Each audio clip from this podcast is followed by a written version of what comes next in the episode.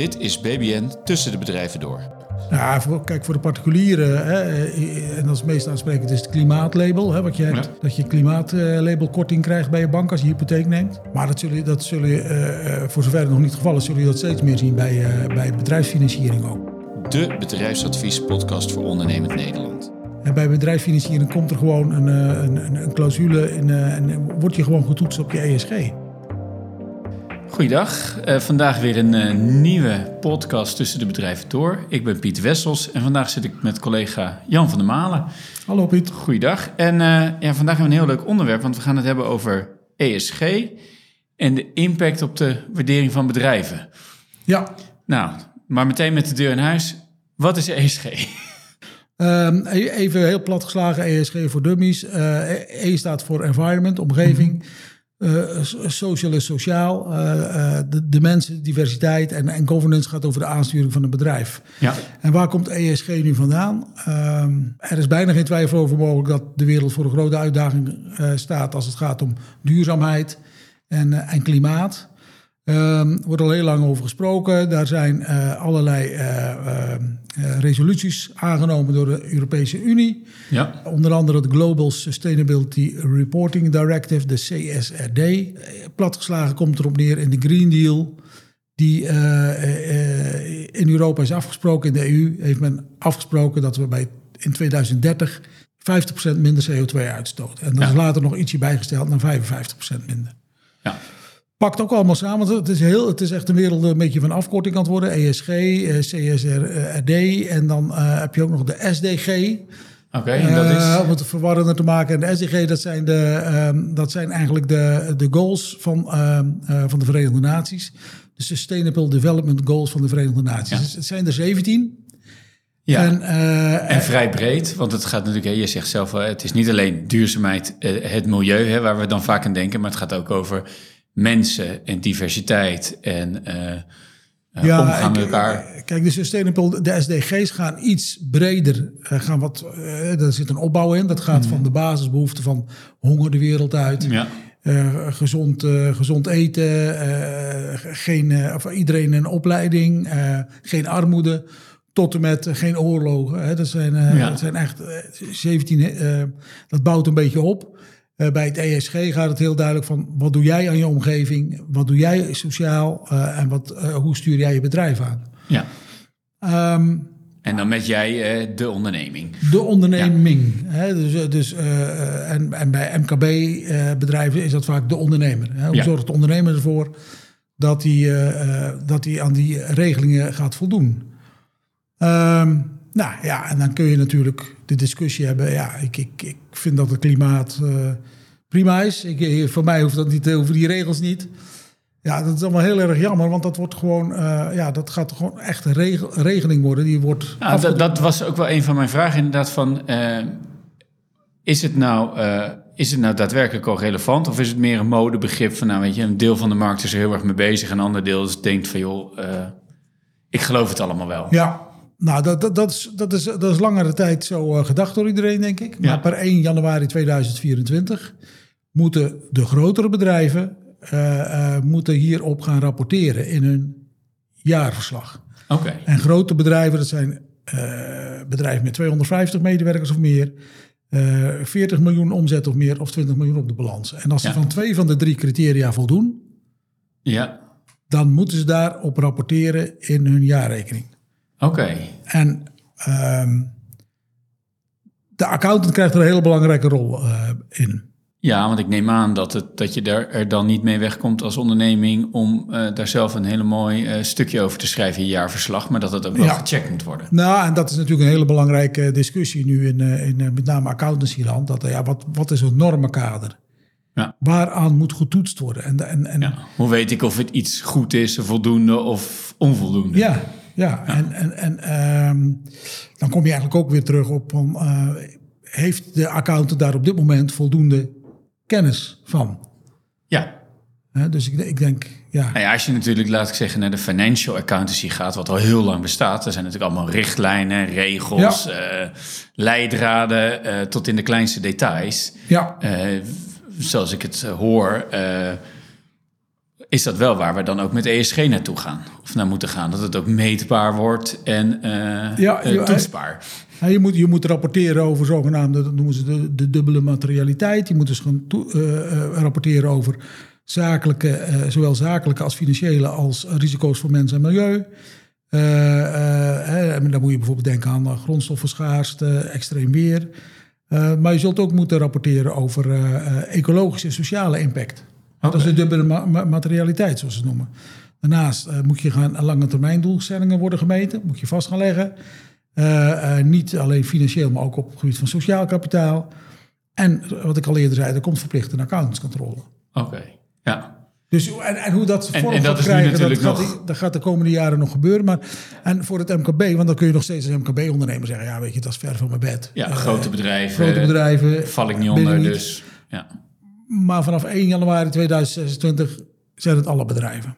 En zo gaat het vaak met nieuwe regelgeving. Het begint boven en het zijpelt vanzelf door. Ja, er, is, er, wordt nog wel uh, min of meer gedacht van nou, misschien dat er de regels nog iets worden aangepast of versoepeld als het gaat om wat moet een uh, MKB-onderneming hierover rapporteren. Maar het is nu wel vastgelegd dat vanaf 1, 1 januari moet. Ja. Waarbij het overigens nog wel bijzonder is dat overheidsorganen die verplichting niet hebben. Dus uh, het is vooral het bedrijfsleven die daar nu mee te maken dus krijgt. naast dubbele materialiteit heb je ook dubbele moraliteit. Dat zou kunnen, dat zou kunnen. Ja, ja.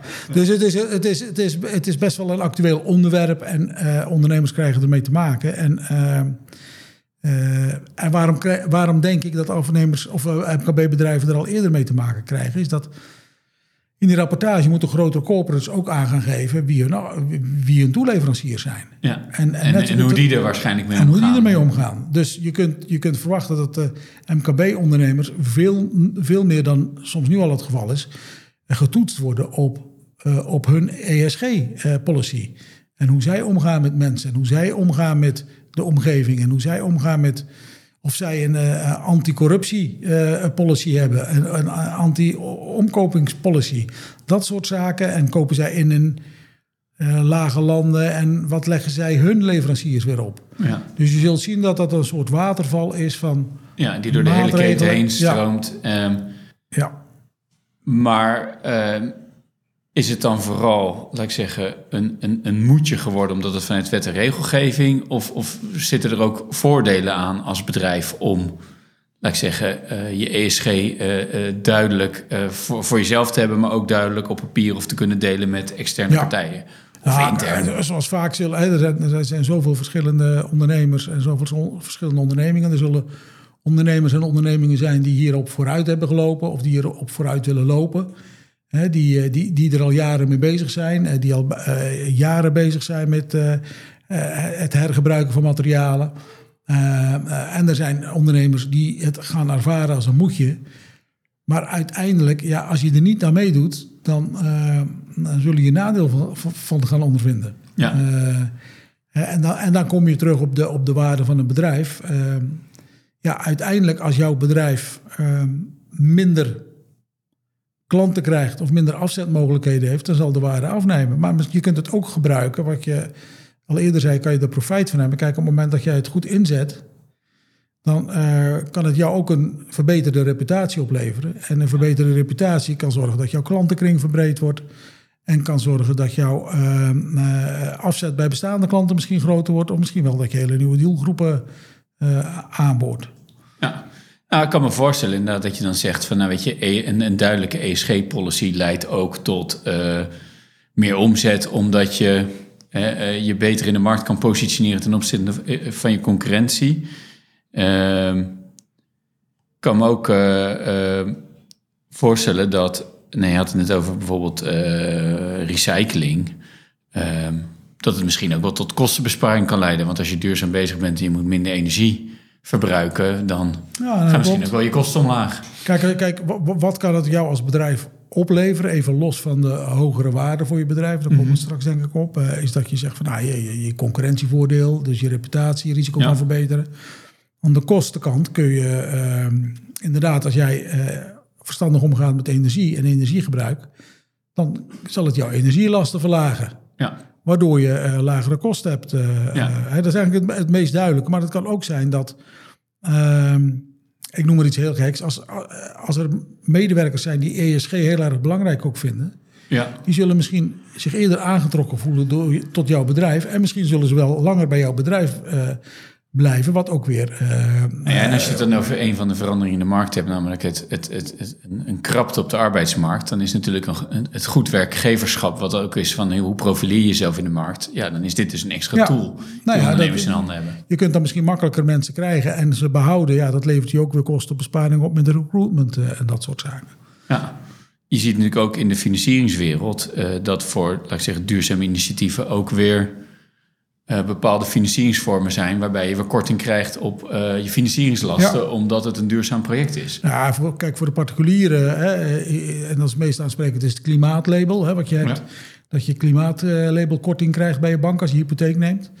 Maar dat zul je, dat zul je voor zover het nog niet het geval is, zul je dat steeds meer zien bij, bij bedrijfsfinanciering ook. En bij bedrijfsfinanciering komt er gewoon een, een, een, een clausule in, en word je gewoon getoetst op je ESG.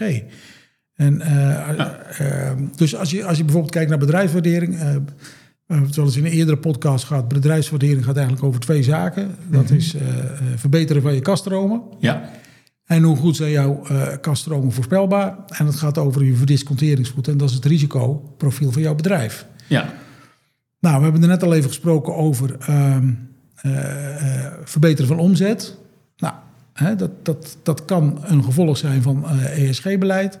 Het dalen van omzet kan ook, eh, kan, kan ook komen omdat jij niet meer kan voldoen aan de richtlijnen van jouw afnemer. ja. Dus eh, eh, dat speelt zeker wel een rol. Dus aan, aan, aan, zeg maar die, die kaststromenkant spelen omzet en kosten een rol. Waaronder bijvoorbeeld je financieringslasten, als je die naar beneden kan doen door bepaalde duurzame financiering met een lagere rente. Daar kom ik straks weer op. Want dat- ik, ik, ik zit aan het kijken, als je, als je kijkt naar de kaststromenkant, dan, Mhm. dan kijk je ook vooral naar eh, zeg maar de operationele kaststromen. ja, ja, ja. En eh, de financieringskaststromen kom ik later op, want die hebben veel meer te maken met de verdisconteringsvoet eigenlijk. ja. Je Oké. of je, of je, of je build-up. eh, Ja, we hadden het nu inderdaad over hoe verbeter je je kaststroom. En dat gaat over natuurlijk je omzet en je kosten. Ja, dus ik, ik, ik zie daar echt wel voordelen in. En ik zie ook wel echt de nadelen in op termijn. dat ja, als jij daar niet aan voldoet, dan zullen je kaststromen opdrogen. Hè? En, en dus die worden minder, die, die, dan ben je gewoon op dat moment minder interessant. Ik kan me voorstellen dat er een soort strategische omslagpunt komt waarbij het nu nog een strategisch voordeel is. En als straks iedereen voldoet, het vooral meer in de nadelenhoek is als je onvoldoende eraan voldoet.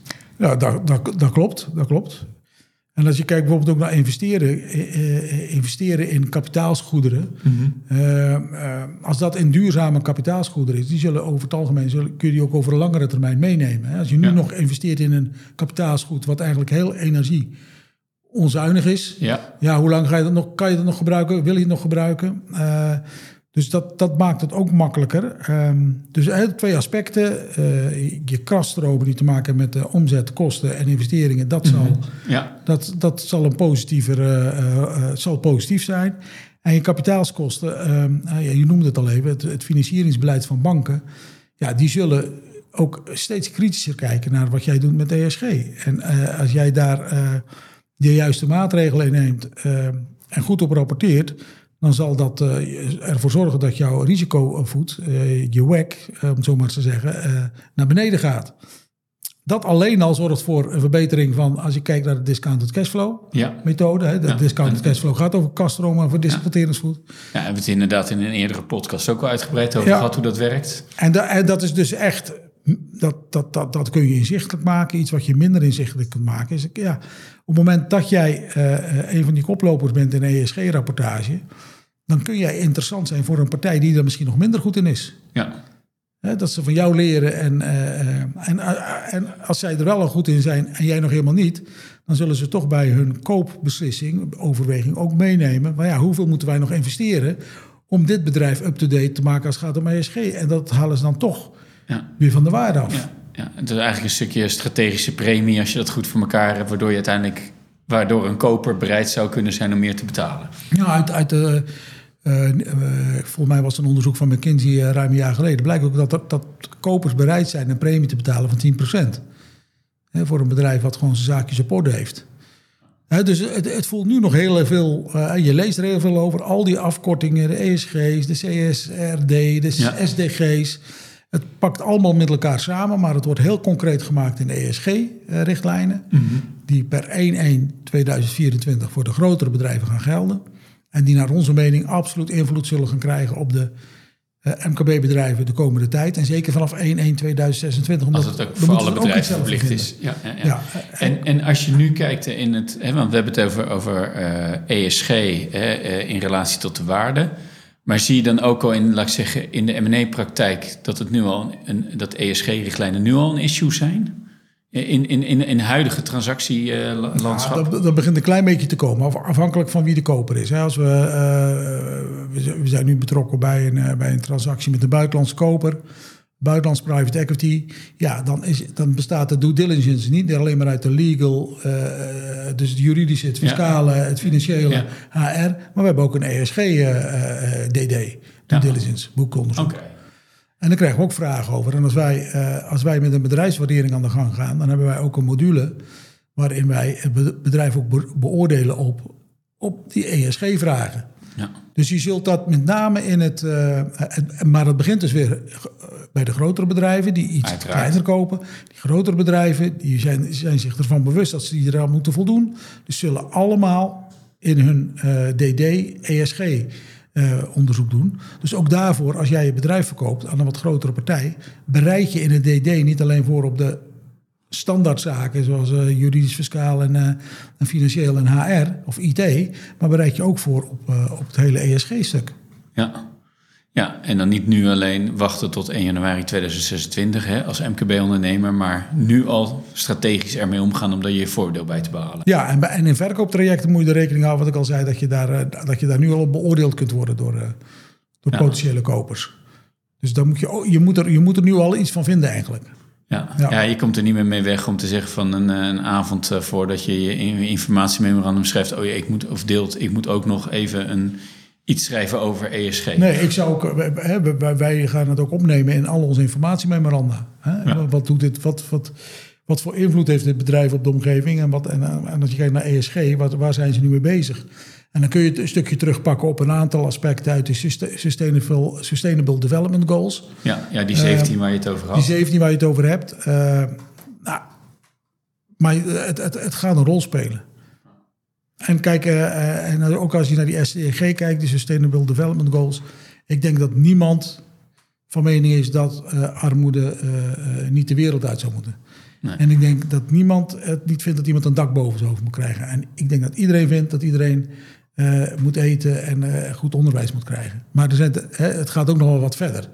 Uh, en, en, of iedereen te eten krijgt in de wereld, daar heb je misschien geen invloed op. Maar je hebt wel invloed op je directe omgeving. En dat zul je in ja. ieder geval zichtbaar moeten maken. Wat is jouw invloed? En ben je ermee bezig? En wat, wat, waar wil je in de toekomst naartoe? Ja. En als jij van 100, uh, van 100 al, al een stukje kunt afzwakken richting 90, nou, dan ben je al goed bezig. Ja, ja. Ja, dus, dus we, moeten het, we, moeten het, ook niet uh, als een soort zwaard van Damocles zien. Je moet je er ook geen uh, slapeloze nacht over hebben. Maar je moet er wel mee aan de gang gaan. En als je uh, een verkooptraject ingaat, ja, bespreek dan in ieder geval zorg dan dat je ook een adviseur hebt die, die daar een klein beetje verstand van heeft en die dat ook mee kan nemen in zijn verkooptraject. Ja, nee, helder, helder. En natuurlijk bewustzijn dat het inderdaad nu al relevant is en niet iets alleen puur voor de toekomst was het niet alleen voor ondernemers die misschien op korte termijn een bedrijf willen verkopen, uh, maar ook wat je aangaf. Kijk, de basis is dat je ook die kaststroom kan verbeteren. Ja, uh, als je je bedrijf niet verkoopt, uh, is een betere kaststroom ook goed voor je bedrijf. ook voor een ondernemer die misschien pas over vijf of tien jaar ja. zijn bedrijf te koop wil zetten.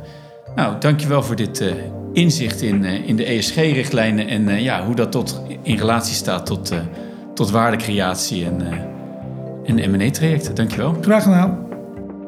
Deze podcast werd mogelijk gemaakt door BBN Corporate Finance. Wij ondersteunen ondernemers bij overnames en bedrijfsfinancieringen. Wilt u sparren over uw eigen situatie? Neem dan gerust contact op met BBN Corporate Finance.